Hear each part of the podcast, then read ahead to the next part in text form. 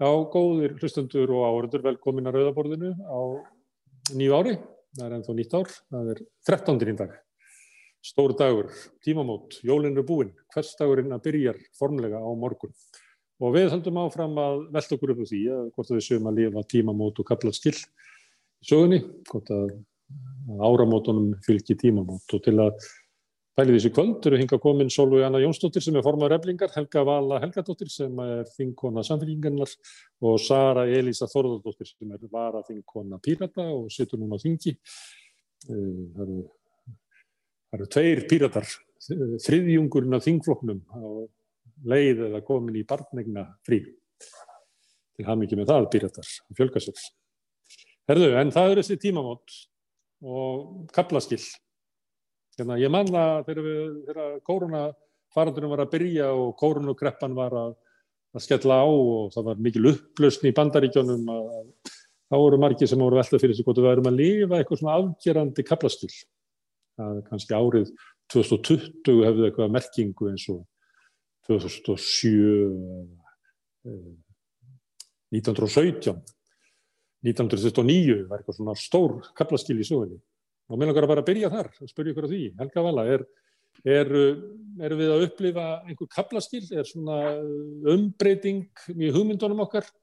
Ég get ekki að spurt bara smerra og spurt er þetta með samfélgíkin, er hún í, í, á tímamótum? Er hún að breytast? Mér langar að byrja á, á stóra, má það? Ok, það má. Hérna... Það er mjög klassist að byrja í einu stóra og færa sér svo niður. Já, sko, hérna, ég held að við höfum, höfum allavega að ég finna, ég hef löngun til þess að, að, að trúa því að við séum að upplifa eitthvað.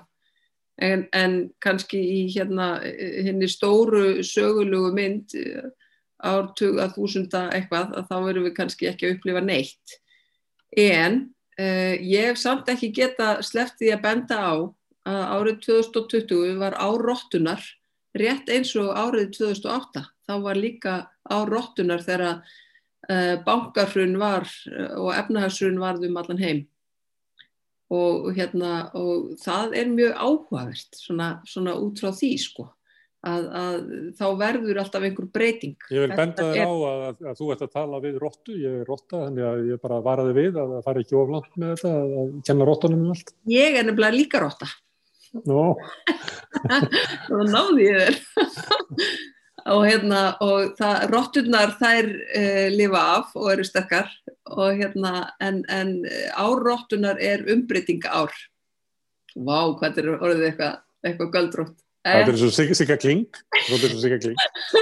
Nei, nei, við setjum bara svo skellið tilviljun, við setjum svo uh, bilið tilviljun að það skulle vera svo leiðis. En hérna, ég sko, En svo er ég líka hérna, mjög bjart sína eðlisfæri og ég uh, vil leifa mér að trúa því að, uh, að ef við höfum hugrekki uh, og þá sé ég við, bara almenningur um allan heim, til þess að þóra að, að koma í gegn ákveðinu nöðslegu breytingum, að þá, þá tel ég tækifærið vera núna.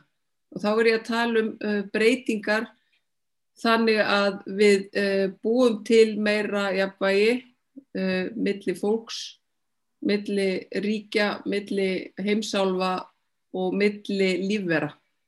Af því að ég held að án, án þess jafnvægis að þá, þá mun okkur ekki farnast vel og ég held að við höfum einmitt verið að fara svolítið þangað að hérna keira inn í bara lofslagsbreytingar og, og ofbóðslegt ójafnvægi eh, efnahags og svo framvegs í, í stóru myndinni og smáu myndinni milli hverfa, milli landa, milli heimsáfa og, og, og, og allt að hérna að ég held að núna sé mjög gott tækifæri til þess að fara inn í það og reyna að búa til meira hjapvægi mm.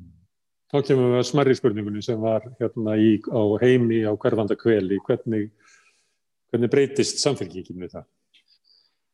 Uh, ég, samfélkingin er þetta búin að vera í bara alls konar breytingafasa. Ég meina og, og bara og er það gerðnan ég hérna uh, samfélkinginu þetta þurkaðist nánast út 2016 uh, þá, þá hérna fengum við einn kjördamakjörin Þingmann inn, Loga Einarsson hinn gethekka arkitekta Norðan sem komst inn kjördamakjörin og, og tók með sér tvo og, uh, og núna erum við uh, átta. Við erum meira sér þeim breytingafassa að, að hérna, við, við fjölgum okkur jafnvel þó að það sé ekki kostningar og uh, útliti er, er, er fínt. Uh, sko við auðvitað byggjum á mjög sterkum stóðum uh, jafnaðar mennsku. Sterkum stóðum jafnaðar mennsku í, í víðasta skilningi. Þá erum við að tala um jöfnuð emitt kynja kynþátt að efnahag og hvað sem er. Og þetta eru okkar grunnstóðir Ekki jöfnuð á milli stjætta? Jú, ég, ég sagði efnahag og þá er ég að tala um milli stjætta líka. Uh, en, en hérna en það er við, og við höfum uh, byggt upp alls konar kerfi gegnum tíðina. Og þá er ég að tala um líka þeir flokkar sem að samfélkingin varð til úr uh, að byggja upp uh, kerfi sem að, sem að auðveldar tekjulæri að sækja sér mentun að, að styðja undir að, að tekjulæri geti haft húsaskjólu og svo framvegs og svo framvegs og á þessu byggjum við og á þetta trúum við. Mm. þannig ennum það. Sara, það eru kaplaskipti og tímamót. Um, hvernig upplöfuð þú þetta? Erum við að erum við að gangi gegnum umtalsverða breytingar. Það var náttúrulega áður en að COVID kom að þá var ja, það nokkuð almenn skoðun í samfélaginu og heiminum að, að við varum að ganga í gegnum alvarleg kaplaskil í sögunni út af lofslagsbreytingum, að við varum að ganga inn í loka kapla mangisvunar, það hefur svona möguleika á því að vinna okkur út úr því aftur. Er þetta? Erum við að lifa slíka tíma? Það er eiginlega bara nákvæmlega uh, málið og það sem við erum kannski að sjá með þessum kaplaskilum sem eru náttúrulega fyrir okkar þjóð og fyrir heiminn allan er að við erum kannski að sjá uh, hluti sem að hef, færast bara aðeins nær í tíma. Þetta svona krísu ástand var yfirvofandi vegna loftslagsbreytinga en virðist ekki hafa verið tekið nú alvarlega. Uh, ég finnst vonið við það að þetta verði mitt kaplaskil í átt af því að núna vakni heimurinn svolítið upp við það að hérna erum við meitt vírus á ferð og flýjum heiminn sem að tekur svona hressilega yfir en sko verði uh, vísindilega spárum loftslagsmálinn að veruleika þá verður vandin ennþá alvarlegri og útbreytari og mun koma niður á öllum og fleiri hérna, þáttum samfélags og, og heims samfélagsins en COVID hefur gert. Þannig að ég vona hreinlega að þetta verði kaplaskil í þá átt að núna þegar að aðeins fer að, að byrta hvað varðar COVID, það er byrjað að bólusetja þó við sjáum náttúrulega í Breitlandi, það er alltaf hliðinni sem staðar ennþá, að þá, þá er grillir hérna í, í, í betri hluti. En þá verðum við líka að horfast í augu við uh, þessa staðrindir, vísindalegu staðrindir sem að loftslagsvandin og, og málin eru og taka þau förstum tök, tökum. Ég hef talað um það inn á þingi að það þurft að skip, skipa loftslags þrýegi og við veitum náttúrulega hvernig lítið það út. Sko, ég set það fram svolítið út frá því að við höfum þá hugmyndafræðilega sama skilning á loftslagsbreytingum og við höfum á COVID og við þurfum þrýegi og við þurfum að horfast í augu við hversu alvarlegt þetta er. Uh, hérna, þannig að já, þetta er ákveðin pröfukersla til ég. Eh, við sjáum það líka að heilbriðskerfið er náttúrulega algjör burðastólpi í samfélaginu. Og það er það sem hefur gerst með COVID. Og vonandi verða líka kaplaskil þar. Þegar við sjáum það þegar að eh, land, eh, landsbítalunir færður yfir neyðarstig þá eru sóttvarnar aðgerðir samanskapi hertar. Og, og þar að leiðandi það er heilbriðskerfið er uh, það atriði í samfélaginu sem að verður að vera stert og burðugt til þess að allt annað geti starfað eh, eins og, eins og, hérna, eins og, það, eins og við viljum að það geri. Þetta er algjör, algjör líkil atrið og líka þessar stjættir sem að vinna þar, hversu mikilvægir þær eru. Vonandi sjáum við kaplaskil í því að það verður tekið alvarlega, að þarna eru verðmæti sem að, e, við eigum að einblýna á þegar að við horfum til þess að byggja upp samfélagið aftur í kjálfar COVID. Mm. Og hérna, og það er bara allra hagur, það, sjá, það, það sér það hver einasti maður, hver, hver einasta starfstjætt núna í COVID.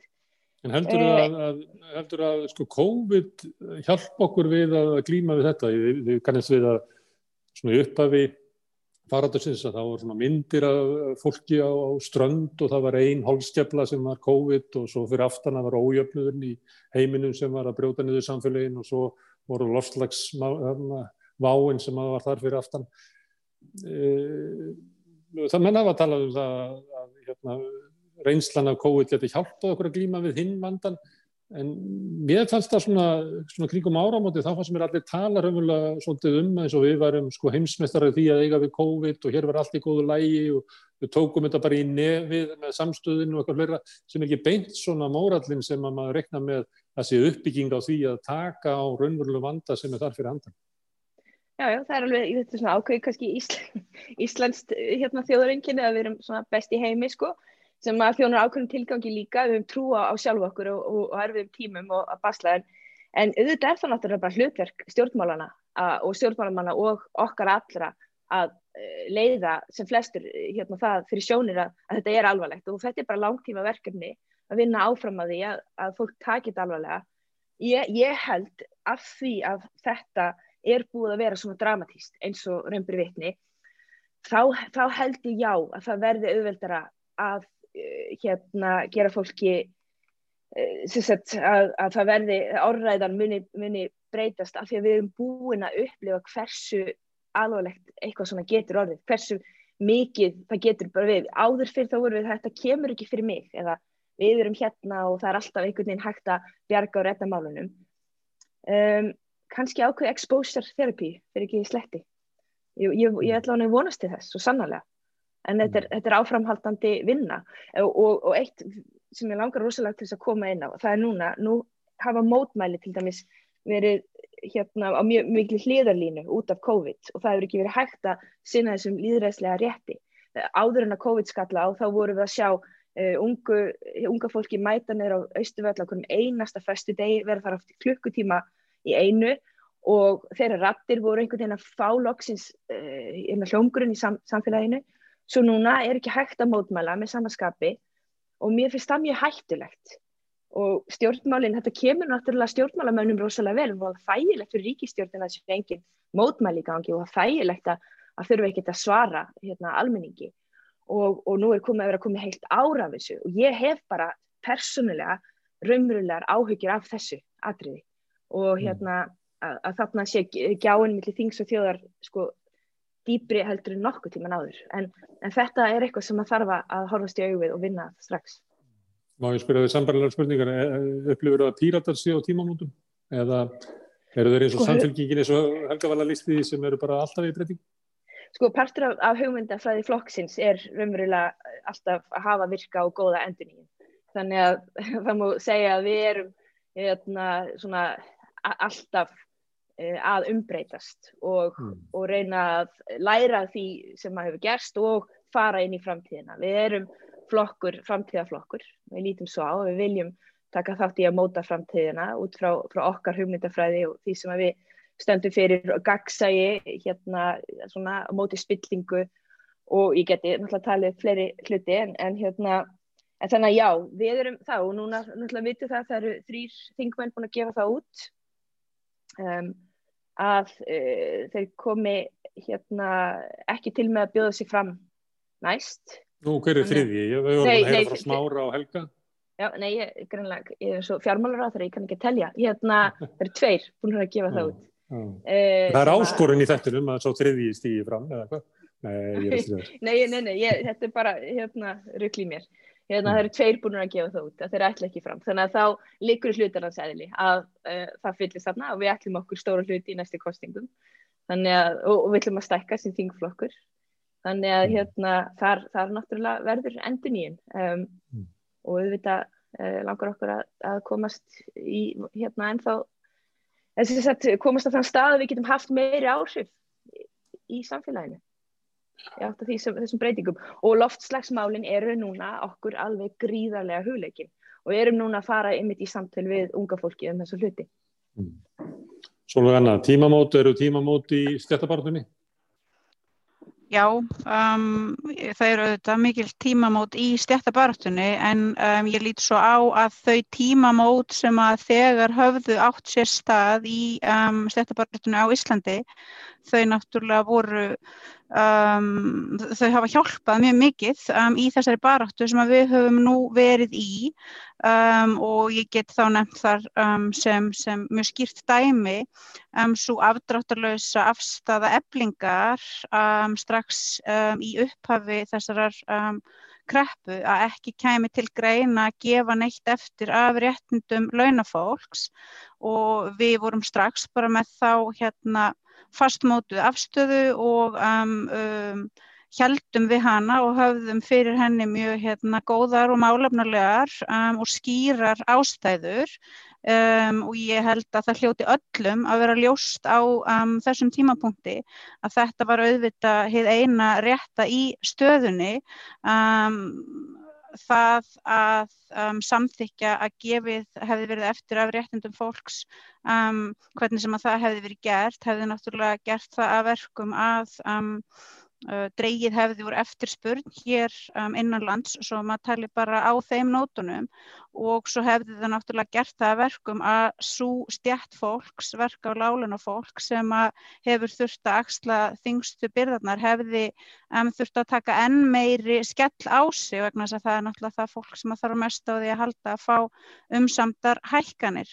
Um, þannig að um, þegar ég horfi á þetta um, þegar ég horfi á það sem hefur núna gerst um, á þessu ári sem er liðið þá, þá er ég allavega mjög, mjög glöð yfir því að við höfum verið komin um, á þann stað sem við um, vorum komin á, við höfum verið búin að hérna ná að fóta okkur innan hreyfingarinnar, ná að fóta okkur innan uh, félagsins og að við höfum getað tekið þessa baráttu fyrir hagsmunum okkar fólks um, með svona árangursríkum uh, og, og já, bara svona árangursríkum hætti.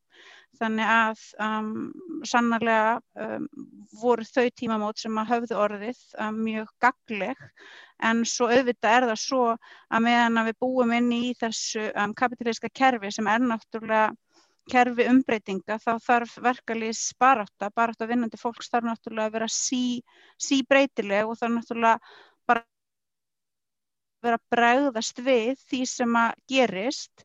Um, en á sama tíma þarf náttúrulega hreyfingin að hætta að um, annarkvort samþykja einhvern veginn status quo-ið.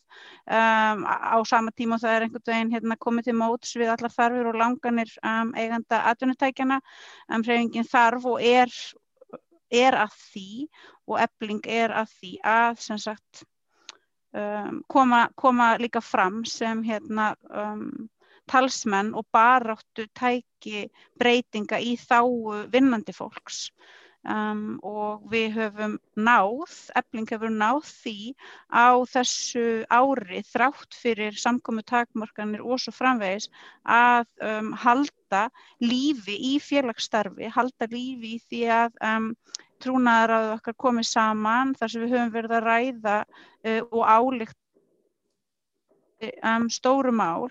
Þannig að vegna þess að við erum hérna mjög meðvitið um það að við þurfum sífælt að bregðast við allum þeim aðstæðum sem að byrtast okkur. Þá, þá hefur okkur að, að mínumati í það minnst að tekist það afskaplega vel. En svo auðvita um, þurfum við að horfast í auðu við það að það sem okkur hefur ekki tekist um, er að búa til nægilega mikinn pólitískan þrýsting til þess að það verði farið í það að hækka auðvitað atvinnulegsbætur verulega ekki, ekki á þennan ótrúlega snöytlega hátt sem gert var heldur verulega þannig að fólk sannlega geti lifað um, á þeim og svo að það verði farið í massífa innviða uppbyggingu, atvinnu skapandi innviða uppbyggingu um, og í slíkri uppbyggingu verði hugað að því að um, taka öll þessi svona stóru mál inn í að innviða uppbyggingin verði intersektional, samtvinnu, þannig að hagsmunir vinnandi fólks og hagsmunir um, uh, lífríkisins geti þar hérna um, gert það að verkum að við, við komumst undan þessu svona ægi valdi um, enga egnarinnar á um, öllum, öllum einhvern veginn auðnum sem að verður til í þessu samfélagi. Mm. En þið eru ekki eini í stríðinu, þið eru með anstæðing og finnst þér hann hafa verið að styrkja sig eða þið hafi verið að styrkja ykkur? Þá áttu við sem sagt auðvaldið. Já, þetta er náttúrulega búið að vera mjög, mjög merkilegt að sjá hvernig hérna svona atbyrðarásin hefur spilast út vegna þess að um, annars vegar höfum við öll séð hversu ótrúlega mikilvægt það er að hafa ofinbært velferðarkerfi sem að getur um, brugðist við og við höfum öll jafnframt áttuð okkur á því að um, sökum niðurskurðar nýfrælsíkunar þá um, hefur uh, velferðarkerfið okkar verið um, veiklað þannig að það hafa, hérna, við höfum ekki getað tekist nógu vel á við um, uh, hlutina. Uh, meiri sér samtök atvinnulífsins hafa stíði fram og, og í einhverjum myndböndum, svona sjálfsupphafningar myndböndum verða að tala eða fjálglega um sko velferð og velferðarkerfið. Um, en á sama tíma og við höfum öll, meiri segja þau, þurft að viðkenna að án, hérna, án sterk ofinbergskerfis sem að getur tekist á við risavaksin vandamál og leistu með við unandi hætti þá hafa um, hafa aðgerði stjórnválda miðast að því að tryggja að um, auðstéttin haldi sínum völdum yfir um, samfélaginu og um, það hefur náttúrulega hefur verið merkilagt að fylgjast með því hvernig brúðist hefur verið við þeim um, kröfum sem að þaðan hafa komið. Og þá vil ég um, sérstaklega nefna sem eitt ótrúlega ótrúlegasta dæmið sem að ég hef allavega orði vittna að um bara vanvirðingu atvinnureikanda um, gagvart bara líðræðinu og bara svona eðlilegum hérna, eðlilegum leikreglum um, framferði þeirra varðandi uppsögn á kjærasamningum og þá fjárkúnar herrferð sem að það snýrist upp í þegar að þeim varður ljóst að reyfingin ætlaði sér ekki að samþykja það að fyrirhugum launahækkunum erði að þær erðu um, afnumdar eða þeim erði sleið og frest, þá breytist þetta í fjárkónar herrferð á hendur ríkisvaldina, á hendur stjórnvöldum og, og það var látið undan. Og að meðan að þetta var að gerast þá fór bara af stað einhver á þessum fjölmiðla sirkus um, og stjórnmála fólkið sem að hérna vantanlega til neitt tók þátt í þessu lét eins og þetta væri bara sjálfsæður og eðlulegur hlutur og reyndi einhvern veginn ekki einu svona verja sig, reyndi ekki einu svona benda hinnum almenna kjósanda á hversu afbreyðilegt og sjúkt þetta ástand væri. Þannig að þegar ég horfi á þetta þá náttúrulega get ég ekki annað en viðkjent að um, Íslandst um, auðvald hefur náttúrulega sínt, sínt sér og sanna sem hérna eigendur um, eigendur þessar samfélags miklu, miklu frekar en, en, en við sem að, hérna, sem að eigum ekki um, fjármagnið og atvinnutækin. Hvað var það sem að, að þau, þeir náðu út úr ríkisvöldinu? Þau náttúrulega fengu þarna þessar 25 miljardar um, uh, þú veist með einhverjum ymsum útfærslum og þar auðvita var inn í um, hlutir sem að þegar var búið að arransera og svo framvegis um, en um, já, ég menna það voru þarna þessir, þessir verulega stóru fjármunir en svo kannski fyrir mig í það minnst að það sem var mest sjokkirandi var stemningin í kringum þetta.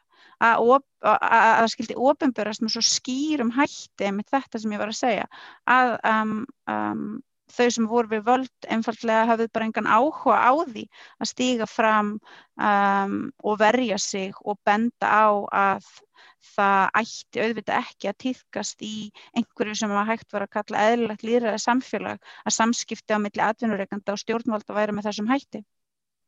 Mm. Jæja, Helga Vala, þennan hérna átökinn þegar að almenningur 99% fá 7,5 miljard til bæta lífskjörinn í, í faraldrinum að þá Er það bara pólitískur ómúðuleik að náði gegn nema að, að allra stærstu eigundur, allra stærstu fyrirtækjana og auðvustu fjármansegundunni fá 25 miljard? Þetta er svona Ísland í dag? Já, er, svona er, er Ísland í dag. Það, það, er, það er þannig. Eh, það eru auðvitað við höfum svolítið talað um það hvernig ástandi var hérna í byrjun COVID þegar að hérna það átti að afgreða uh, hlutina yfir nótt. Það var mjög áberandi uh, í mars og apríl þegar, þegar öllu þinginu var bara stilt upp í vegg er var þar Æslandi er til dæmis og ef að hlutinir eru ekki afgreitir fyrir næsta mánudag sem var bara nokkrum dögum setna að þá uh, færi félagið á hausinn og hérna og að því að þá væri komið að einhverjum gældaga á einhverju og það er það afgreðið allt bara núna. Uh, og maður svona velti fyrir sér það eru þetta helgjarnar verkar reyka flugfélag og, og það skiptir mjög miklu máli að þjóðhagslega mjög mikilvægt að hafa flugsamgöngur við Ísland. En ég svona og ég ætla ekki að tala niður Æsland er, þú veist þetta mikilvægt flugfélag en ég er svona veldið samt fyrir mér þessari stöðu sem á okkur tekst að vera í uh, sko Vá er fór á hausinn ári á undan ári áður hafði þá í rauninni ekki uh, átt að hafa flugrekstra leifi ef að allt hefði verið eftir bókinni. Uh, ég ákvaða að spyrjast fyrir í gær um afdrif skýslu ríkisendurskoðuna sem að ég óskaði eftir þegar ég satt í umhverfis og samgöngunemnd um aðdraðanda þess að vá fjall uh, í byrjun árs eða um, í marsmánuði 2019 og ég baði um skýsluna þarna í, í mæ held ég 2019 og hvar er þessi skýsla? Því það er nefnilega eftirlitstofnanir á Íslandi sem eiga að fylgjast með að rekstur svona mikilværa fyrirtækja sé ekki bara í bullinu. Og þessi skýsla er ekki að þá til og ég bað núna minn ágæta kollega Guðjón Brjánsson sem að núna sittur í einhverju samgöngunemnd að spyrjast fyrir um afdrif þessari skýslu. Hvar er hún? Samgöngustofa á að hafa eftirlit með að, að fyrirtæki sé með nægt fyrir til reksturs uh, flugfélagsins næstu þrjá mánuði. Ef þú hefur það ekki sem flugfélag, þá átt ekki að hafa virt leifi. Þetta er svona trygging stjórnvalda uh, fyrir almenning að þeir komist alltaf heim. Vitið, að, þetta, að, við, við séum ekki bara í, í bráðri hættu, að við séum ekki í, í byluðum vélum og svo framvegis.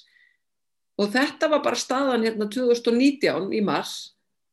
2020 í mars er staðan þessi að það kemur veira og korter í setna er Æslander á svo rosalega vondum stað að það þurfti að afgreða, það þurfti að vinna nótt og dag, nótt og dag nýri þingi í, í tæpa viku uh, vegna þess að það var einhver dagsetning á mánudaginn sem að hefði bara knésett flugfélagið. Og maður veldur aðeins fyrir sér.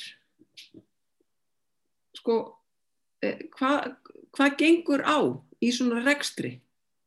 Þegar að það eru bara nokkru dagar sem að, sem að hérna, fara illa og þá allt í hennu er bara mörg þúsund manna vinnustæður farin á hausinn. Hvað hefur gengið á dagana á undan og vikurnar á undan? Getur verið að það hefur verið eitthvað brogað við hennar rekstur og svo fekk forstjórin hérna velun fyrir að vera viðskiptamæður ásins Það var nú bara dómnefnd uh, markaðarins fylgirits fréttaplassins sem veittur um það var ekki Nei, nei, menn þetta er ekki ofinbær velun en ég er bara að segja sko nei, ég meina, mér er bara, bara svo áhugavert að taka þetta í þetta samhengi. Sko þegar, þegar ég þú veist, þegar ég var bara hérna í, í, veist, í vinnunni með það, og við öll með það hangandi yfir höstum á okkur ef eitthvað er ekki afgreitt bara svona að þá myndi bara mörg þúsund manna vinnustæður verða gæltróta á mánudaginn, vitið. Mm. maður hugsa, byrju, hvað hva var að gerast? Þú verður ekki gæltróta yfir nótt. Hvað hva gerist? Uh, og svo auðvitað, svo auðvitað horfum við á það sem áttur sér stað talandi um, um framkomu við, við starfsmenn fyrirtækisins uh, framkomu við flugfreyður og flugþjóna flugliða. Það var auðvitað alveg sko brjálaðislega framkoma. Þar sem að sem að það var bara ákveðið að segja allum upp í miðjum kjærasamningum. Þetta... Það var nú gert með stuðningi ríkisvaldsins vegna þess að á bakvið þetta var e, lofórð ríkisins um að koma með fjö rekstrinum gegn því að það fyndist fjö hjá fjárfjöstum og krafa fjárfestana var það að laun starfsósins yfir lækku þannig að raunverulega var ríkið, Íslenska ríkið að styðja árásir félagsins á starfsósins. Já, það, þau hafa fallið mörg prinsipin hjá, hjá uh, ríkistjórninni, verði að segja, á ákveðinu stjórnarflokkum. Og mér langar að segja eitt af því að hérna Solveig Anna saði að, að stjórnmálamenn hefðu eitthvað fallið á prófunu, uh, að, að sko, hérna, stjórnaranstæðan hefur verið, allavega hluti stjórnaranstöðunar, hefur nú verið óþreytandi í að benda á mikilvægi þess að grýpa þá sem að hafa mista atvinnuna með því að lengja tekjutengda tímabilið, með því að lengja tímabil réttinda til atvinnleysisbóta, með því að hækka grunn atvinnleysisbætur upp í lámaslön. Þetta eru allt mál sem við í samfélkingunum höfum margsinnis lagt fram á síðustu mánuðum. Þannig að hérna, ég vil bara halda því til haga. Það má alveg verkefni segja ekki, má alveg stundum muna eftir því að tala ekki um alla stjórnmálastjéttina eins og hún sé handbendi auðvaldsins þegar við erum stanslust að reyna. Mm. Það er eins og Pampi talar um alla stjórnarnarstöðuna eins og við séum miðflokkurinn. Það talar Solveig Anna um alla stjórnmálastjættin eins og við séum Jarni Benditsson. Stjórnmálafólkið. Mm. En að því þú nefnir þetta, má ég aðeins spyrja út í þetta að, að því að maður fylgist með þessu, þetta var nú sérstaklega ábyrgandi í vor og svo aftur í haust, það sem að stjórnaranstæðan var í því að krefjast þess að það eru lagfæringar á þessu bökkum. Og kröfunar voru raunverulega eiginlega svona bara sára einfaldar, það var bara að vera við gerum þetta bara eins og síðast sko. við ekki að fara að hluta bóta leiðina og hafa hana eins og þá skast síðast já, við ekki að lengja tímabili tekið þetta tímabilið, ef við ekki að setja legan undir þetta. Þetta er það sem var gert í síðustu kreppu og þetta var að vera að gera út um allan heim. Að mm. þetta var eiginlega sko fullkomnir sko selvföllihör með dætt í hug þegar það varst að lýsa þessu að, að verði ekki bara triks hjá hérna, rí, ríkistjóðbyrði að skilja þetta eftir svona gallað þannig að þið fóruð raunverulega að berjast fyrir því sem það var sjálfsagt en raunverulega komst aldrei í gang eitthvað svona umræða um svona megin atriði þessara pakka. Sem að til dæmis fyrstipakkin hann hérna var til þess að dæla peningu út í bankakerfið sem að leiti til þess að um 200 miljardar af nýju fíða var til sem að flætti til hinn að betursettu sem að leiti til hækkunar á hlutabriða verði á Íslandi það hækkaði um 60% á árinu þar sem það var hrun eða var hérna, kreppan mikla. Fastinaverðið eh, raug upp, leiguverð hefur með þess að hækkað, þó svo að 2 miljónir túrista hafi horfið. Þannig að fyrsta aðgerð ríkistjónarinn var umlega að búa til eignabólu fyrir hérna betursettu í frammi fyrir kreppu sem að bitnaði fyrst og fremst á hennum vestsettu. Og þá voru þið upptökinn í því að sko bjarga ríkistjónarinn frá sko stórkostlega tjóni með því að hafa þó pakkan ekki eins og hafði reynst ágætlega 2008, 2009 og 2010. Já, uh, já, mikil er skömm okkar að vera ekki að standa okkur betur í að reyna að grýpa alla boltana sem hendur á loft. Uh, hérna, uh, það hefur svo, sko, svo sannarlega margsinnis verið þannig á síðustu 8-9 mánuðum, 10 mánuðum að maður hefur þurft að velja sér slag það hefur svo sannarlega verið þannig. Mm. uh, af því að hérna það eru óteljandi hlutir í gangi og stundum þar maður að láta ákveðna hluti fara fram hjá og meðan maður er að reyna eins og maður getur að verja þá sem að verst standa. Af því ég held að það hljóti alltaf að vera okkar markmið. En því miður þá uh, brúkar ríkistjórnin þá ömurlegu pólitík að geta aldrei samþygt það, það er tilugur sem kom frá stjórnarnarstöðinni nánast aldrei. Uh, þau gera það þannig og það hefur verið ítrekkað þannig inn í velfærnend að, að það, það er einhver, einhver glöggur stjórnarliði sem áttar sig á því aðkvæða greiðslu í annari umræðu að uh, svo sem að rópar hérna, í eigðimörkinni úr, úr ræðustól uh, formað velfærnendar áttið ykkur á því hvað er að gerast hérna og þá, þá einstakarsinnum fattar einhver hvað er að gerast að þá er málið kallað innmiðli annar og þriðju umræðu svo að meirulutin geti í staðin fyrir bara að samþykja breytingatillögu mína uh, breytt málinu þannig að það breytingartillagan komi frá þeim en ekki mér. Þetta er pólitík sem er umhlað algjörlega fráleitt en því miður þá hefur þetta verið svona of oft. Þetta hefur bæði verið svona hjá okkur og þetta hefur verið svona í efnars- og viðskiptanæmt þar sem Otni hefur verið með ymsa bandorma og uh, svo geraðu þetta líka ítrekka að þau fella uh, tillögur okkar í, í, í apríl til þess að geta sjálf komið með þær um miðjan mæ og samþykja það. Þegar, veist, þetta, er bara, þetta er algjörlega fráleitt pólitík og svo einhvern veginn svo ótrúlega lágu plani þegar við erum að horfa á þessu stóru mynd og við erum öll einhvern veginn að reyna að hjálpa til. Við hlaupum eins og brjáluð og erum einhvern veginn að reyna að láta ekki sko, þúsundir fjölskyldna sökva að vera í þessum lákurulega leik á sama tíma hver átti hugmyndina veist, er, þetta er alveg lægsti samnefnari mm. Ég ætla ekki að gera lítið úr eitthvað hlutverki því að mér finnst til dæmis alþjóðsambandi var í þessu sama síðan voru og líka höst að, að reyna að lagfara eitthvað og, og kannski voru lagfara eitthvað eins og ég er að segja bara eiginlega sjálfsögðu hlutir sem hafðu reynst ágætlega í síðustu kreppu og, og kannski fólk út um alla Evrópu veit að það er eiginlega fórsetta þess til þess að það gangi upp og það verður þetta að vera með þessum hætti. Já, nú ætlum ég að hérna, fara inn á jærsprengisvæði. Uh, þegar að tilugur voru gerðar uh, varðandi uppsagnarleðina sem að var líka búin til fyrir Æslandir uh, að þá uh, svo hugmynd eða þær tilugur algjört lögmæti uh, vegna stuðnings frá Alþjóðsabbat Íslands. Og ég hef talað um þetta við uh, fórsetta Alþjóðsabbat Íslands hvað ég var ósátt við þetta ástand sem þá var.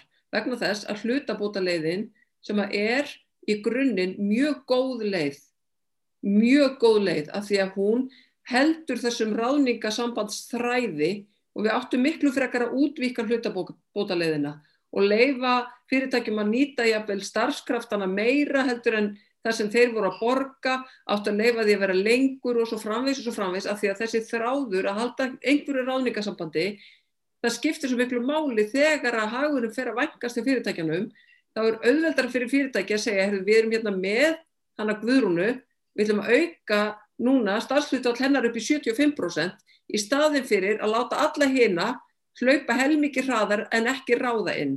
Viti, það er miklu meiri ákvörðun þegar það gengur frekar illa ráða inn heilan starfsmann í staðin fyrir að auka bara við starfshlutfallið og ég held að það hefði verið miklu, miklu vænlegra að styrkja hlutabótaleðina heldur en að fara í þess að fjandans uppsagnaleið fyrir gefið orðbræðið. Mm. Járnsprengjan var ætluð.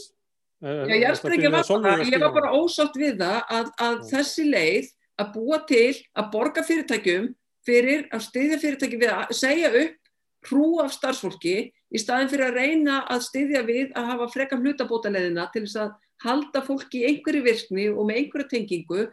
Mér fannst það vond hvað Alþjóðsamband Ísland stutti þessa leið mjög mikið af því að það voru þrengt skilirðin alveg rosalega inn í hlutabótaleðinni og eru ennþá í staðin fyrir bara að lengja hlutabótaleðin og hafa hana bara næstu átján mánuði eins og var verið að gera út í heimi að þá var farið í að þrengja skilirinn þarna mjög mikið og vikaðu í uppsamnarleðinni til þess að hleypa öllum inn í uppsamnarleðina. Mm? Mm. Og þetta, ég var ósatt við þetta af því að meirlutin vísaði stanslust í að þetta væri uh, komið frá ASI og þarna var, var bara gefið fullt lögmæti fyrir þessu og ég bara, ég var bara ósatt við þetta. Mm. Og ég held að það sé allir út af samfélag því núna þetta, þetta voru mistök. Erðu, Sara, hérna, þú er nú komið oft inn á þingaldi sem uh, var að þingmaður en ert samt svona tildurlega ný á þingi.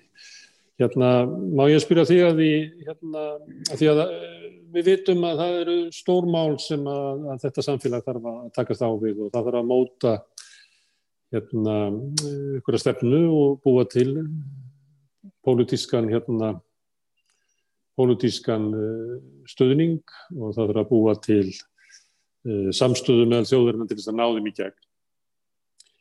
Eh, en stundu finnst mann eins og að okkur gangi ekkert sérlega vel í því að sko einu svona ákveða hvaða mál eru mikilvæg og hvaða mál við ættum að vera ræða og þegar maður horfir svona yfir þetta ár sem er að líða þá er það, veist, samstæða um um hlutabótaleiðina, samstæða um sóttvarnar aðgerðir svona til að byrja með, það verður minna í svona miðkaplanum, meiri voru að líða árið.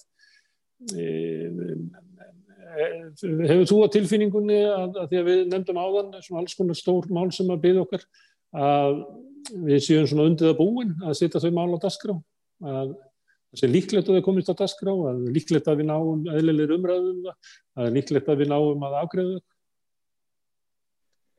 Sko það hérna veldur svona svo mikið á því að almenningur hafi aðgang að samtölunum og hafi kom, geti komið sínum sjónamiðum og hérna uh, hugrenningum á framfæri. Uh, og ég meina ef við tala um til dæmis í, í þá uh, kostninga núna þessum hérna til þeirra drefur að kostningum að þá er alltaf samtölin velta á því að hérna sterkum fjölmjölum og umræðu þar en líka að almenningur hafi einhvern aðgang og hafi einhverja inngöngu inn í þetta samtal og svo auðvitað náttúrulega eru kostningarna sjálfar það, hérna, eiga að vera til, til marksum hvaða áherslumál uh, þjóðin hefur. Þannig að mér finnst, mér finnst þetta að vera samtal sem að þarf að eiga við almenningi landinu en ekki í einhverjum reikvildum bakherbyggjum inn á alþingi. Og það er til dæmis mjög merkilegt að koma inn á þing núna og eins og þú komst inn á, ég komi nokkur sinnum inn á þing, eh, fyrst í stuttantíma í, í tvær vikur á þar síðasta kjörtímabili og, nei fyrir ekki, ekki þar síðasta uh, síðasta kjörtímabili og hérna og svo í lengri tíma, fjóra mánuði og svo núna uh, kom ég inn í nógumber og verð fram á vor hérna inn í mars og hérna þetta er, þetta, það er svo allt öðruvísi að koma á þing núna frá því síðast Vanalega er þinghúsið svona dýnamísku staður, það er gest, gestir er að koma og fara, það eru fjölmiðlar þarna, það er einhvern veginn líf og, og fjör og, og einhvern veginn svona ákveðin púls í gangi. Að koma inn núna er mjög merkilegt. Þetta er svona eins og draugaskip og með sko hérna þeim sem að samstagsfólki og anstæðingum. Þetta er, þetta er, þetta er, og ég hef áhyggjur af því líka og þingsalurinn til dæmis, hann er náttúrulega tvístraður út í hliðarherbyggi þingsins og það er bara staðrind að myndast ekki sama dýnamikinn í þingsal eins og gerði, eins og gerði síðastur í satinni. Aftur verði að myndast á mótmælinn og því að almenningur getur ekki nýtt sinn líðræðislega rétt til þess. Þingpallarnir eru tómir alltaf. Eh, þannig ég, ég óttast það mest að líka í ljósi þess að við vitum ekki hvernig við erum búið að bólusitja þjóðina þá óttist ég það hvernig kostningarna verða. Hvernig það verður í kringum það að mæta kjörstað og svo framvegis. Um, og uh, þannig að þetta samtal verði of mikið í höndum stjórnmálamanna og sérstaklega í höndum þeirra stjórnmálamanna sem að setja núna við völd. Við sjáum það núna að við erum með ríkistjórn sem er ákveður upp á einstæmi að fresta kostningum fram, í, eh, fram á haust en þingslit verða í vor eða sömar í sömar þannig að þarna verður ríkistjórnin sjálf á fullum launum hjá almenningi landsins í kostningabaróttu við það að vinna því að komi sér aftur í valdastóla um, og með skertan aðganga almennings að uh, samtali, hérna, hvað verður mótmæli og svo framvegis. Mér finnst þetta mjög alvarlegt og hættilegt og, og bara hreinlega hérna, eh, hefði myndi vilja sjá meiri umræði um bara nákvæmlega þetta að líðræði, hvernig eigum við að geta átt, geta átt í líðræðislegt samtal þegar líðræði er svona halv lamað um, Það segja að það sé svona taktíst taktíst ákvörðun að, að rjúa þing fjórum mánuði fyrir kostninga til þess að þau hafi frýtt spil og þurfi ekki að þóla gaggrinni inn í þingsölum á störfsinn?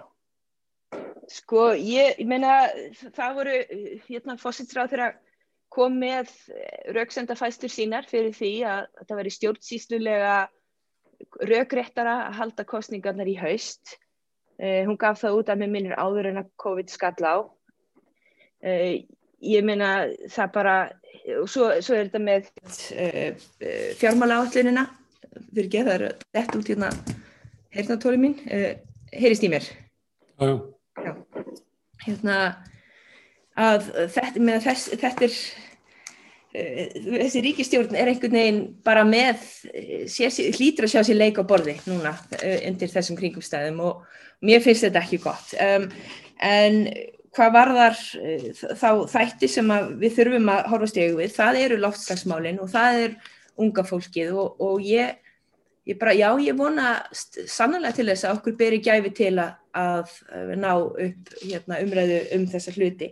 Ég, ég vil líka aðeins koma inn á það að við þurfum kannski líka þau okkar sem er í stjórnarandstöðu og stjórnarandstöðu flokkar og, og, og svo framvegs að sína meiri samstöðu okkar á milli í, í umræðinni og sína það að við getum tekið höndum saman Eh, á móti, gaggur þessum öflum sem eru búin að sitja ára tíu við eh, stjórnvölinn hér á Íslandi, að við getum, við sjáum sín hérna, fram á við, hvernig við ætlum að breyta og, og gera hlutina. Þannig að það er líka mikilvægt að það sé ekki alltaf, eh, við séum ekki að sparki hvort annar, við þurfum að vinna saman. Mm. Svolítið hana, hérna svona einhver leiti snýst um það svona hvernig eru, hvaða mál eru á dasgrá, mm -hmm. um hvað er verið að ræði í samfélaginu. Það er ekki endilega alltaf sko réttustu málinn eða mikilvægustu málinn eða stundum er það bara eitthvað allt annað sem er til umræðu. Stundum er bara umræðu vettfangur veikur, fjölmiðlar eru held ég veikari núna en við hafa verið bara, bara lengi, síðustu 15 ára frá því fyrir rum. Uh, þar voru hérna Sonja hjá BSB og Drífa hjá ASI í gær og þær sögust alltaf vinna því að setja ákveðin mál á dasgrá í kostningabarátunni. Þöldu það væri sóknafæri fyrir verkefnisreifinguna og almannasamtök að reyna að stýra umræðinni, að, þraungva stjórnmálumræðinni inn á, inn á þá svona farvegs sem að hendaði alltíðum annan. Hefur þú trú á því að, að það verði þannig í aðranda kostningarna að, að, að, að þessar kostningar næsta höst að þær muni snúast um þau mál sem eru mikilvæg eða gætu við lendi því að það væri svona háað í umræðinni og eitthvað óljóst og við verðum í faraldri og, og það væri kannski ekki við hæfi að vera með hörku í, í átökunum, í stjórnmálantökunum að það kæmi kannski aldrei á daskra á það sem að mestumáli skiptir. Já, það, auðvitað, ég vona af öllu hjarta að það takist að setja þau mál sem að mestu um, skipta á dagskrá en svo þurfum við að horfa stegu við það að um, það, það er hérna mjög, mjög, mjög ólíkt fyrir ólíka hópa hvað skiptir mestu máli og um, staðrindin er svo að um, það sem að gert hefur og hér hefur einhver leiti verið rakið er að um, þau sem að uh, mest áttu fyrir eiga einfallega meira núna um, og þau sem að minnst áttu og áttu jafnvel ekki neitt eru hérna ennverðsett og voru þó skjálfilega illa sett fyrir. Um, þannig að um, hvernig munum við geta og er vilji fyrir því að standa saman og, og tryggja að hagsmunamál þeirra sem að hérna, minnst eiga, minnst völdin hafa um, verði sett um, í, í forgang. Um, það verður mjög farundilegt að sjá hvort það getur gæst og ég bara um, vona að svo verði og er sannlega tilbúin til þess að hérna, leggja mitt á, á voga skálanar í, í því. Um, þetta er náttúrulega svo ótrúlega óvenjuleg kreppa sem við erum inn í. Hún er e-, ekki svona típisk kreppa, hún er komin til vegna sóttvarnar aðgerða um, stjórnvalda um alla veröld og um, þegar ég segi það þá er ég ekkert að segja um það. Um, veist, hva, hvað mér finnst um sóttvarnar aðgerðna, þetta er bara einföld staðreind, um, kreppan um, er afleiðing þeirra. En hverjir hafa farið verst út úr henni, það er fólkið sem að þegar var jáðar settast í samfélaginu. Og þá þurfum við að horfast í augu við um, þann vanda sem að, sem að fylgir því að vera jáðarsett manneska í samfélagi. Og þegar við horfum á fólkið sem að, um, sem hefur orðið verst út úr þessu hér á Íslandi um, sem að hérna eru um, til dæmis mjög stór hópur af félagsfólki eblingar, þá er þetta aðflutt verkafólk sem að hefur til dæmis ekki kostningarétt hérna. Um, þannig að þegar að stjórnmálafólk kemur um, að, þann, að þeim tímapunkti að það fyrir að reikna út fyrir hverja sé hérna best að setja fram um, stefnumál til þess að tryggja tryggja að um, kjósundur skilir sér á, á kjörstöð og kjósi rétt. Um, hvernig, hvernig getum við tryggt að hagsmunir þessa fólks verði í nægilega miklu fyrirrúmi að það verði sannlega gert eitthvað til þess að bregðast við um, þeim bráðavanda sem sannlega ríkir þarna. Um, það á bara auðvitað eftir að koma í ljós. Um, þarna sé ég til dæmis að verkalýsreifingin gæti sameinast í því að setja fram afdráttalösa kröfum um, þar sem ég sagði áðan um, sem ég kalla á þann innviða uppbyggingu, ég menna þá getum við til dæmis farið í um, eitthvað sem að hefði átt náttúrulega að gera fyrir löngu síðan sem er stórtæk hérna, húsnæðis uppbygging. Ekkert kæmi sér betur á þessum tímapunkti fyrir láluna fólk á Íslandi heldur en það hefur ofinbera sæði sómastinn í því að byggja byggja um, mannsæmandi gott húsnæði sem að gera það verkum að fólk losnaði úr þessari ótrúlega svífurðulegu gildru sem að það hefur verið neft í þar sem að því sem næst allar áslöfuna tekjur þeirra að renna í vasa einhverja um, fjármásæganda út í bæ. Um, fleiri stór mál sem að kæmu sér ótrúlega vel fyrir vinnandi fólk, fyrir verka og láluna fólk, það væri það að um, bank, íslensk bankamál væri tekinn förstum tökum að það væri náttúrulega fyrstulega komið veg fyrir það að um, uh, auðvaldsflokkurinn kemist í þá stöðu að geta um, selt, um, selt bankana og að bankarnir eru nýttir í það að fjármagna þessa innviða uppbyggingu, fjármagna um, húsnæðis um, uppbygginguna og svo fjármagna um, það sem að Um, Íslensk verkefliðshreyfing hefur ákveðið að kalla réttlátt umskipti þar sem að um, í bandaríkjónum og Breitlandi líka er kallað New Green Deal. Um, þú veist að búa til góða uh, vel launaða öruga vinnu fyrir láluna fólk um, vinnu sem að hverfur ekki bara burt. Um leið og það verður hérna um, samdráttur eða kreppa á hennum kapitalíska markaði Um, veist, þetta, þetta er það sem maður þarf að gera á samt auðvitað fjölmörgu öðru um, og á þessum tímapunkti þá, um, þá hérna, er bara erfitt að spá fyrir um það hvað mun gerast, hvað, hvað mun eiga sér stað. Ég, hérna, ég auðvitað leifi mér að vera bjart sín Um, vegna þess að ég því af öllu hjarta að það verði einfallega að gera eitthvað, við getum ekki halda áfram á sömu vekkferð og við höfum verið á en að, að samanskapi er ég áhyggjufull og ofta tíðum mjög svartstín vegna þess að um, já, í fyrsta leginn, eins og náttúrulega Helga vel að sagði því hérna áðan, þú eru bara miljón boltar á lofti og fólk þarf að reyna að grýpa einhverja af þeim, það þarf að velja sér slægi og það er ekki þar með sagt að sá slagur sem þú velur þér að taka sér endilega sá slagur sem einhvern veginn sagan muni svo leiða í ljósa hafi verið sá rétti fyrir þig. Um, og það eru auðvitað algjörlega klikkað að það þurfi að setja alveg endalast miklu orku í það að berjast fyrir sjálfsögum hlutum. Um, þannig er það og það að við séum í þeirri stöðu gerða náttúrulega verkum að orka okkar og tími fer í það í stað þess kannski að geta nýst með svona markasari hætti í það að planleggja og hérna draga upp svona framtíðar sín sem að hægt er að leggja fram og hægt er að fá fólk til þess að saminast um. Um, og svo bara ætla ég að ítrekka það sem, að, hérna, sem ég tel eftir bara mína, mína um, reynslu og aðkomi að um, baráttu á, hérna, á, á svolítið svona, já, um, þú veist, baráttu sem er ekki bara einhver svona aktivista baráttu alveg á gólfinu, heldur baráttu sem að hérna nær svona um, á aðeins svona herri, herri staði. Að um, við þurfum, við þurfum einhvern veginn endalust og, og það er það sem ég hef læst, þessum endalust að vera berjast fyrir hlutum sem að ég, þú veist, sem að maður heldur að séu komnir, erum að berjast fyrir því að, þú veist, kjærasamningsbundnar hækkanir standi jafnvel þó að sannlega hafi verið búið að skrifa undir þessa kjara samninga fyrir mjög löngu síðan og fólk hafi farið í verkföll til þess að ná þessu fram, þá allt í nýru við aftur komin á þennan stað, þurfum að setja ótrúlega miklu orku í þessa baráttu. Við erum ennþá að berjast fyrir því að stjórnvöld uppfylli lofarði sem þau gáfu okkur um fjeviti að það hafi afleðingar að stila launum. Þetta er ekki ennþá búið að uppfylla, þráttur að þetta hafi verið partur af um marg um, umrætta og dásamaða lofurð að pakka stjórnvölda vegna lífskjærasamningana.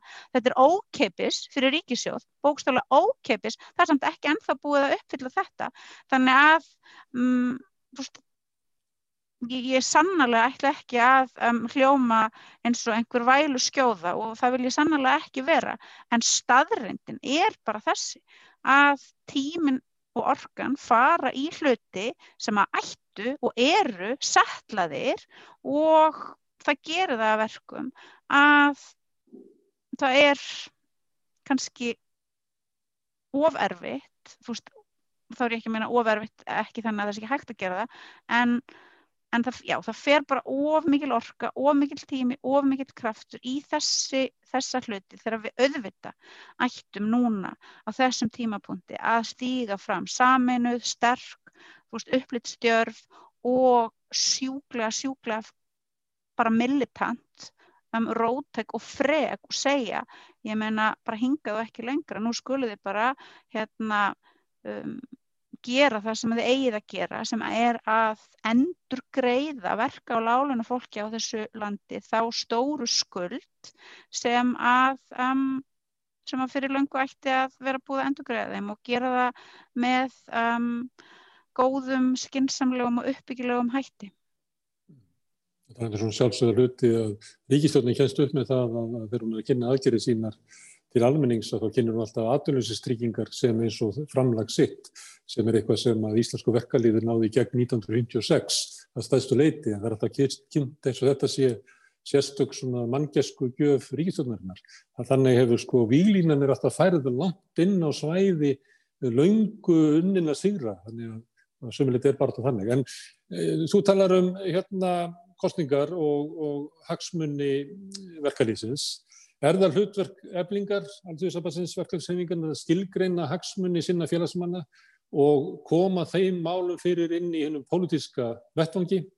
Eða, og þá er ekki að tala um að þau fari í frambóð, heldur bara eins og það er Sonja og Drífa voru að segja í gæra að, að eiginlega þraungva umræðinni yfir á það, það sem að þau skilgreina sem að raunverulega hagsmunna sinna félagsmanna.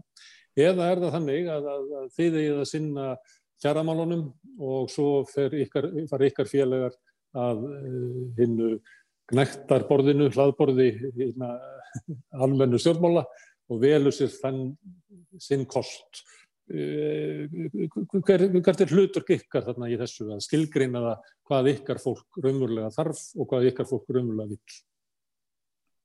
Ég ég meina, ég veit hva, hvað mér finnst, ég held að það sé nú svona hérna almennt með það hvað ég hef um, þusað undanfærið þá, þá sé það svona frekar augljóst, ég lít náttúrulega á það sem eitt að grundvallar hlutverkum um, verkalýs ba baráttunar að um, setja fram pólitískar kröfur um, er varða hagsmunni vinnandi fólks og knýja svo á um það með bara staðfestu og með hérna innbyttum baráttu vilja að árangur náist þar.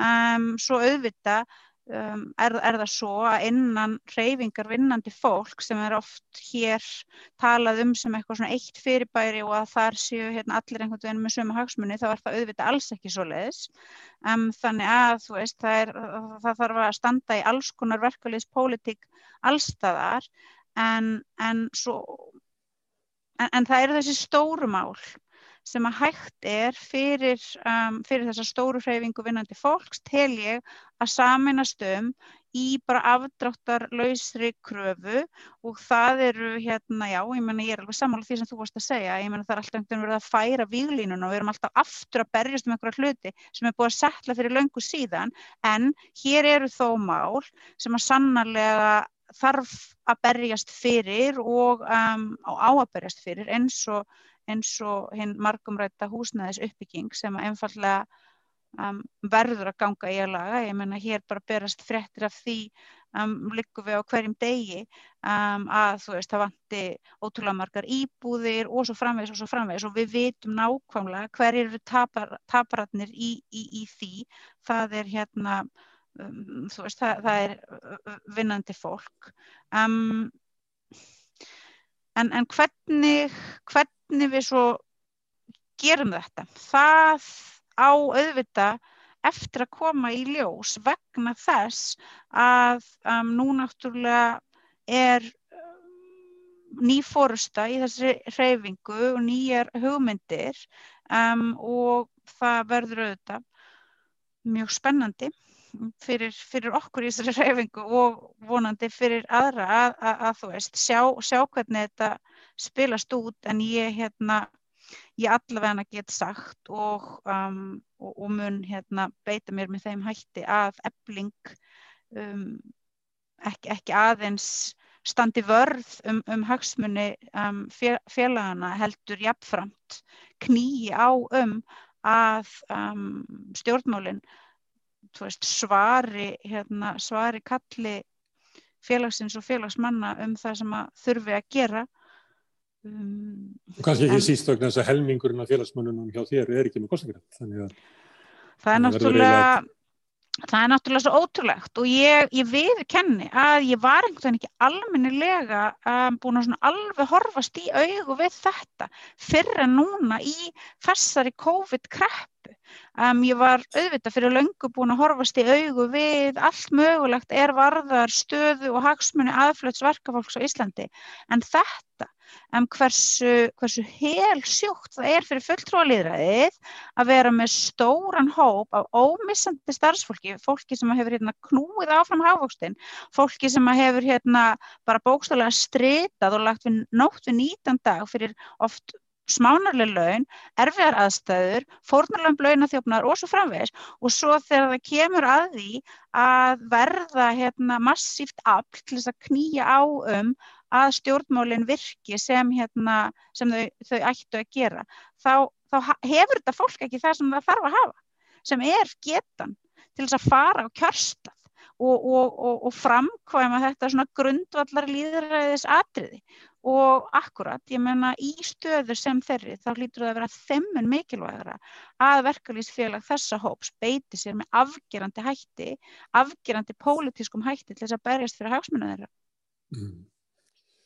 Helga vel að þetta er spennandi fyrir áhuga mennum um sögu sósíliska hrefingar. Einu sinni var náttúrulega forverar samfélgíkarinnar, allsýðisflokkurinn, var hluti af allsýðissambandinu og það var eitt og þegar það var búin til á sama stað stefnan að vera reynd að ná upp úr græsrótinni, hvað er það sem að fólk vil, fólk kekka á milli og gama bjóðugur og hvað eigum við að berja sér í og hvað svo klopnar þannig svolítið á milli og það verður svona verkaskipting. En núna er að koma upp við erum ekki að vitna í, í Sólu Önnu það voru hérna Sonja og Drífa í gæðir sem voru raunverulega að, að, að, taka sér það umbóð að skilgreina það hvað verkafólkið, launafólkið í landinu hvað, hvað það vil fá út úr stjórnmálum Þetta er svolítið önnur staða heldur en það var þegar að verkefliðsefingin sat á svona sínum kolli út í hodni heldur en að, já, annað heldur að við erum við bara í marga áratvíi.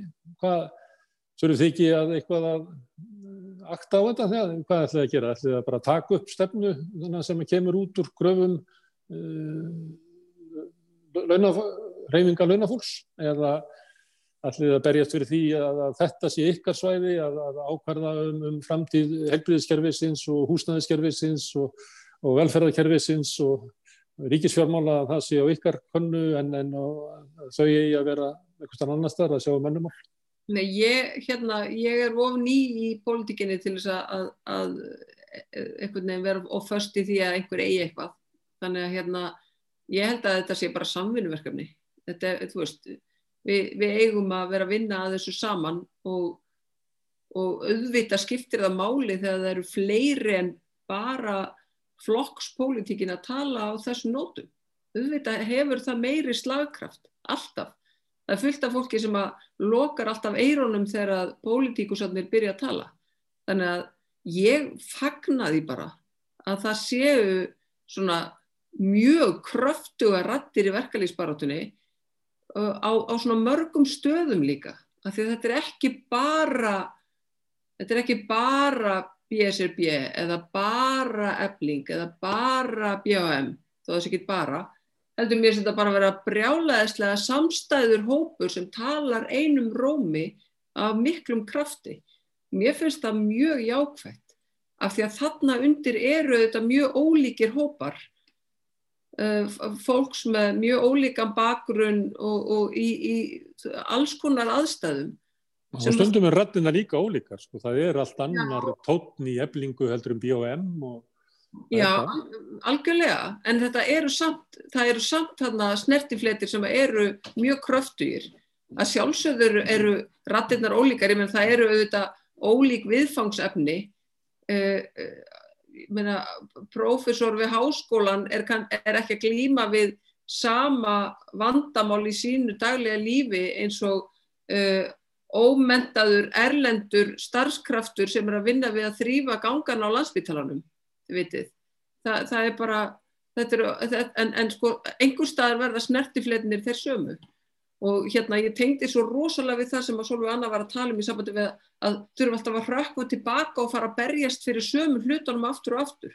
Ef við horfum til dæmis á hana lífskjærasamning sem að var undirritaður með, með sko með pomp og prakt og, og, og lúðrablæstri hérna í byrjun ást 2019 uh, núna í oktober ætlaði félagsmálur á þeirra að leggja fram tvö frumvörp sem er liður í að efna lífskjærasamningin við erum á loka metrum þessa þings á loka metrum þessa kjörtíðanbils og þetta, það átt að koma fram þessi tvö frumvörp annars vegar til að auka réttastöðu leyenda og, hins, og hitt frumvarpi er einmitt til, út af félagslegum undirbóðum á vinnumarkaði, fjövíti og allt þetta dót til þess að reyna að bregðast við launathjófnaði sem er viðvarandi í íslensku samfélagi og hvorugt þessara frumvarpa eru komin fram.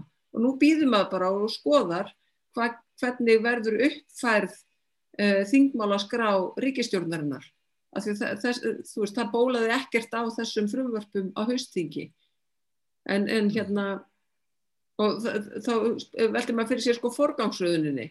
Þau, þau dundruði gegn hérna hlutdeildarlánunum á, á ofsa hraða á sumarþingi að því að það var bara búið að hóta því að það færi allt í uppnám í haust ef að það, það væri ekki unnið í þessu og þá var þessu einhvern veginn hraðaði gegn og svona svolítið með vinstri hendinni sko, ekki alveg full skapað en Hlutdeldarlánin eru til að lána fyrstu kaupötu fyrir eigið fyrir íbúðuna. Já. Það er mér sagt að sé fjármagna með því að lækka vakstabætunar þannig að það sem almenningur átti, eða þú eru að tala um výlínu, það sem, mm. það sem almenningur átti sem styrk eða stuðning, beinan fjárstuðning, að það færa núna hann má taka það láni Já. í, í hlutdeldarláni hjá ríkinu. Þetta er ekki stórkostuðu sigur. Já, það, það var þannig, það, það er fjóri miljardar á ári og þau, þau taka, taka hvað miljard af vakstabótunum inn í þetta kerfi. Mm. Þetta er næstu í, þetta er svona grá, grá, þetta er grætilegt, að því að við vorum að tala um výlínunar, að jáfnveil þótt að eitthvað sem að vinnist sem sigur, að þá er það raunverulega þegar uppi staðið jáfnveil tap, það er jáfnveil afturbank. Já, líka kannski bara af því að eh, vakstabótakerfið hefur verið hérna lemstrað mjög. Það eru bara eh, þú veist, það, það eru ekkit allir sem að hafa geta nýtt sér það. Meina, bara einir allra, allra tekjulegstu einir allra tekjulegstu að vera að taka þeim. Já, ég meina fólk á ágætislaunum sem skuldar 15 miljónir í námslán þið vitið, sem það þarf að borga af það, það til dæmis hefur ekki fengið vakstabætur Mm. þannig að hérna það, þú veist, já. Það, það þarf alveg að einhvern veginn þetta, þetta átt að vera það svona jöfnunatæki vakstabótakerfi á að vera jöfnunatæki einmitt til þess að hérna reyna einhvern veginn að jafna kjörin sko. Mm. Sara, þú sagði ráðan að píratar vildu tímamót í sinni sögu þegar vildu komast að því að hafa alvöru áhrif á, á stjórnina landsmánin og þetta er eiginlega þú ert að tala um að píratar vilja fara inn í ríkistjórn og Hversum að ríkistjórn getur það verið? Já, það verður ríkistjórn hérna umbúta eh, og ríkistjórn þar sem að raunverulega er farið í ekki bara breytingar innan þess, að, þess kerfis sem við erum með núna heldur breytingar á stjórnmála hérna, raunveruleikanum eða stjórnmála umhverjunu sjálfu. Helga var að koma ymitt inn á aðeins þetta með breytingatilögur og, og það hvernig stjórnmálinn fungera inn á þingi. Þetta er náttúrulega, þetta er, þetta er að, hérna, afleitt stjórnmál að, að þegar að hérna, minnihlutin eða stjórnmálansan leggur fram góðar breytingatilögur sem hljómgrunnur er fyrir að þá er einhvern veginn eh, bara þá er það bara fært inn í einhvern bakherbyggi og, og, og til þess að, að ríkistjórninu geti átt uh, hérna, kredit, fengi pólitíst kredit fyrir hlutina. Uh, við sjáum líka með sem er afglæpaðinga málið okkar, Pírata, við, hérna, það nú kannski er það okkar fyrsta verk. Um, við lögðum fram þarna frumvarp um afglæpaðingu sem er mjög mikilvægt mál uh, fyrir líðheilsu sjónamið og fyrir þjóðina og er komin gríðalegu hljómgrunn fyrir. Um, það var fælt þarna inn í þingsal. Um, einungis til þess að, að ríkistjórnum geti svo uh, gett, gert sitt eigið hérna, frumvarp og, og lagt það svo fram. Og, og að mér skilsta þá á að leggja það fram núna á næsta þingi. Um, en það eru svona stjórnmál sem að eru uh, ekki stjórnmál sem að starfa í þáu almennings og þeirra sem að veita um við pýratar myndum vilja sjá breytingar á þessu til dæmis. Já, ég er að fiska eiginlega með hverjum þið hérna, viljið vinna. Þáttum við að enda, mér langar að enda svolítið á því að við spáum í það.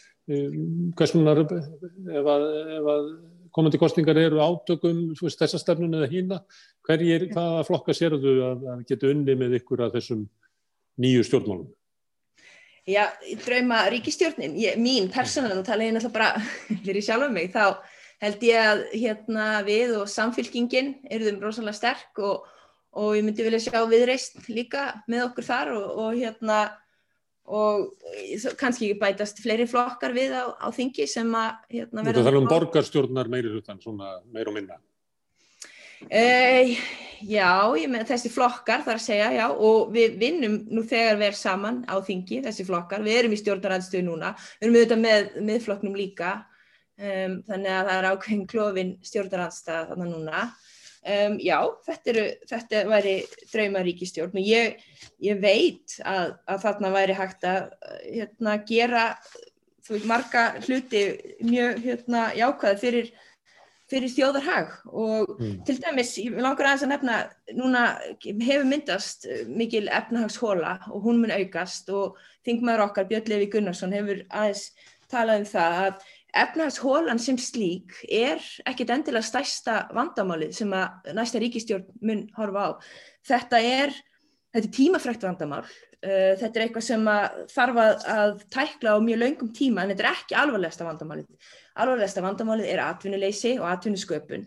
Og þessi ríkistjórn sem situr núna, hún hefur verið í krísustjórnun en nú komið heilt ár að það er ekki hægt að skýla sig endalust á baku það. En það vantar, vantar uh, kröftu og viðspurnu hvað varðar atvinnumálin. Og það er eitthvað sem að ég sæði fyrir mér að að við myndum geta tekið stóran þátt í. Við erum með hugmyndir, nýsköpunar hugmyndir um uppbyggingu, já til dæmis langar að nefna þess kveikmynda yðnaðin um, Þarna var eh, komið að, að máli við ríkistjórnuna síðasta mæ um hvort það ekki væri ráð að horfa aðeins til eh, þessara atvinnugreinar til að brúa ákveði bil fyrir ferðarþjónustuna.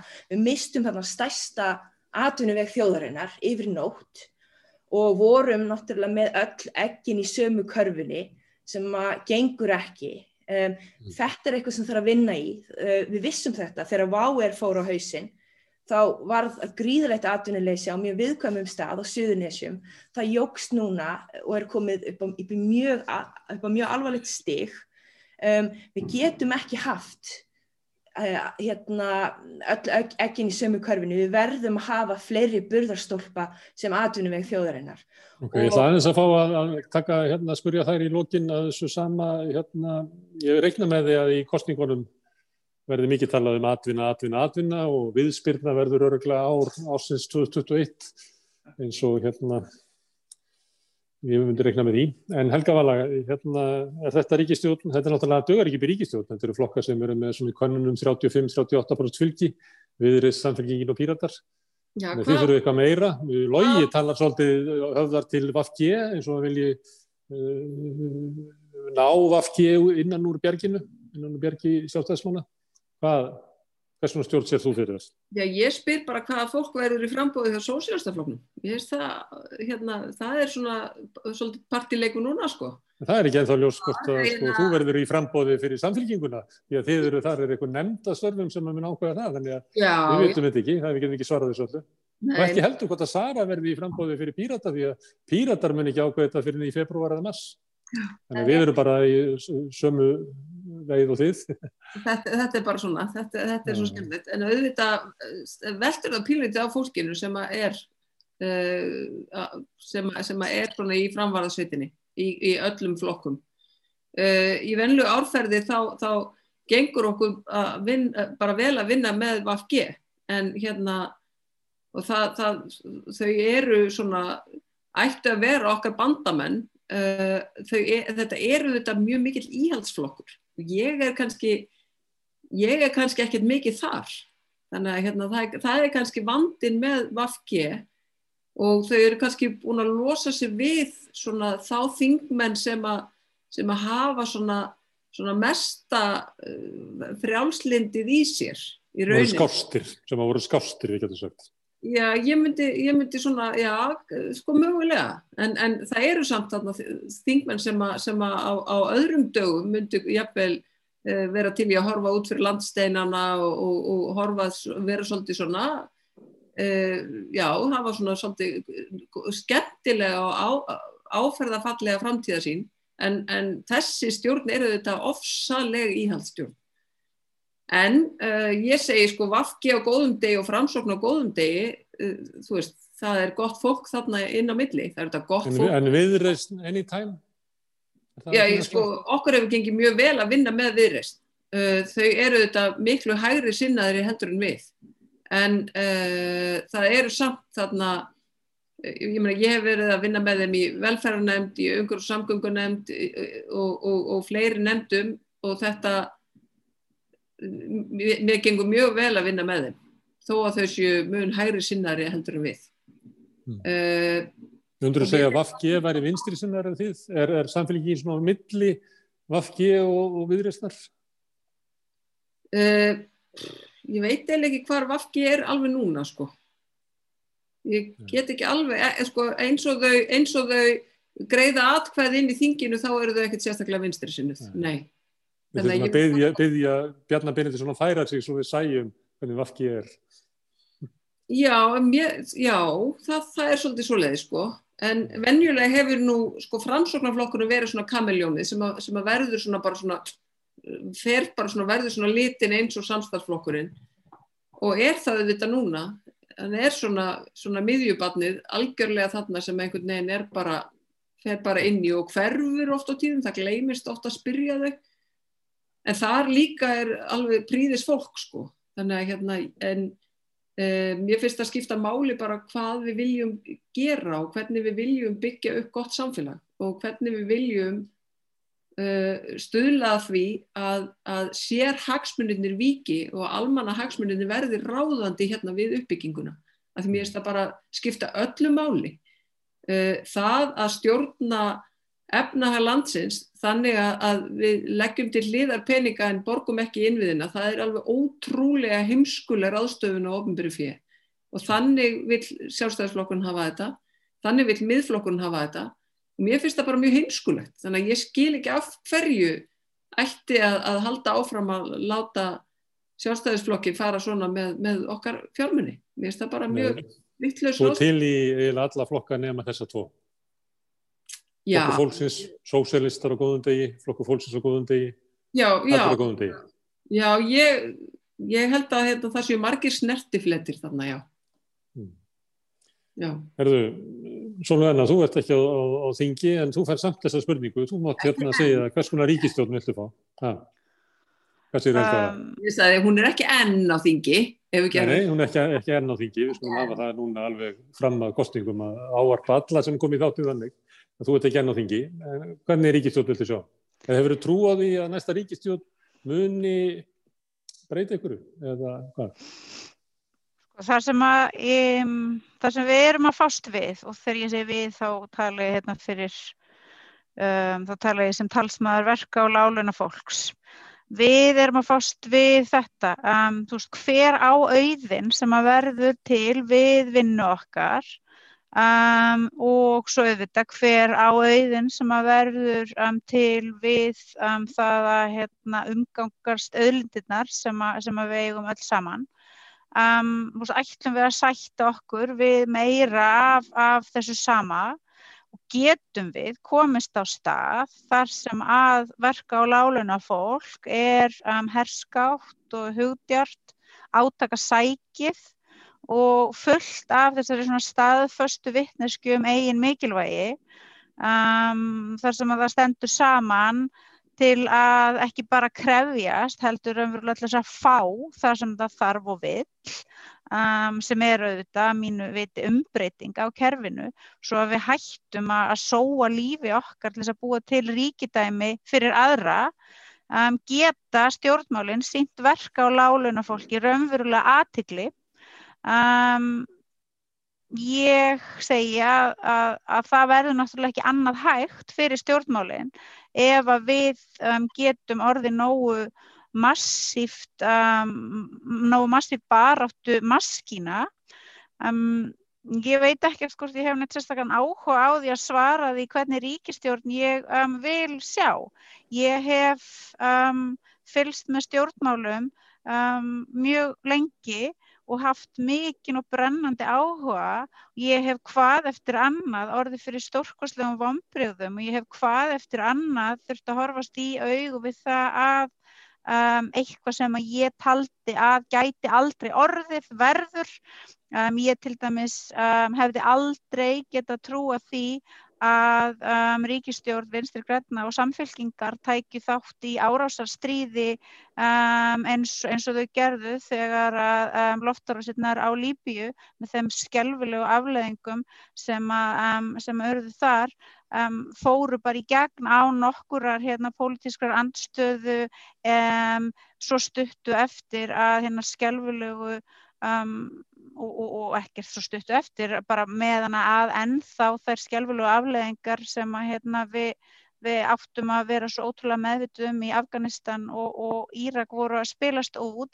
Um, og svo framvegist það eru ímis svona mál þannig að ég ég veit það ekki, ég menna ég veit ekki hvort ég hef áhuga á því að veist spila þennan svona samkvæmisleik þó vissulega síðan alveg áhugaverður og spennandi.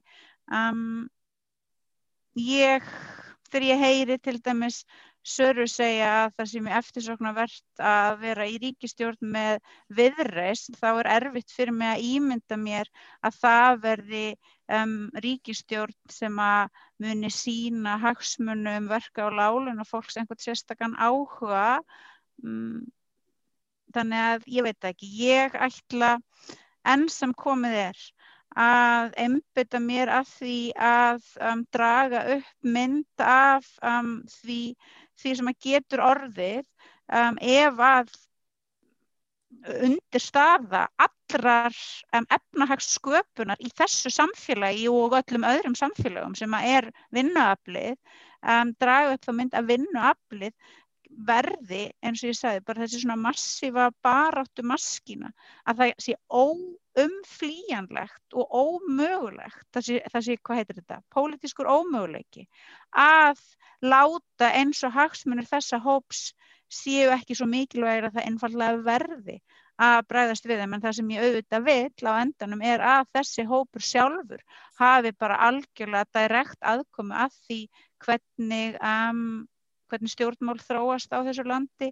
og um, hvernig farið er með fjármunni ríkisjós, hvernig fjármunum ríkisjós er um, útlutað, um, það er náttúrulega á endanum um, svo sín sem, að, sem ég hef.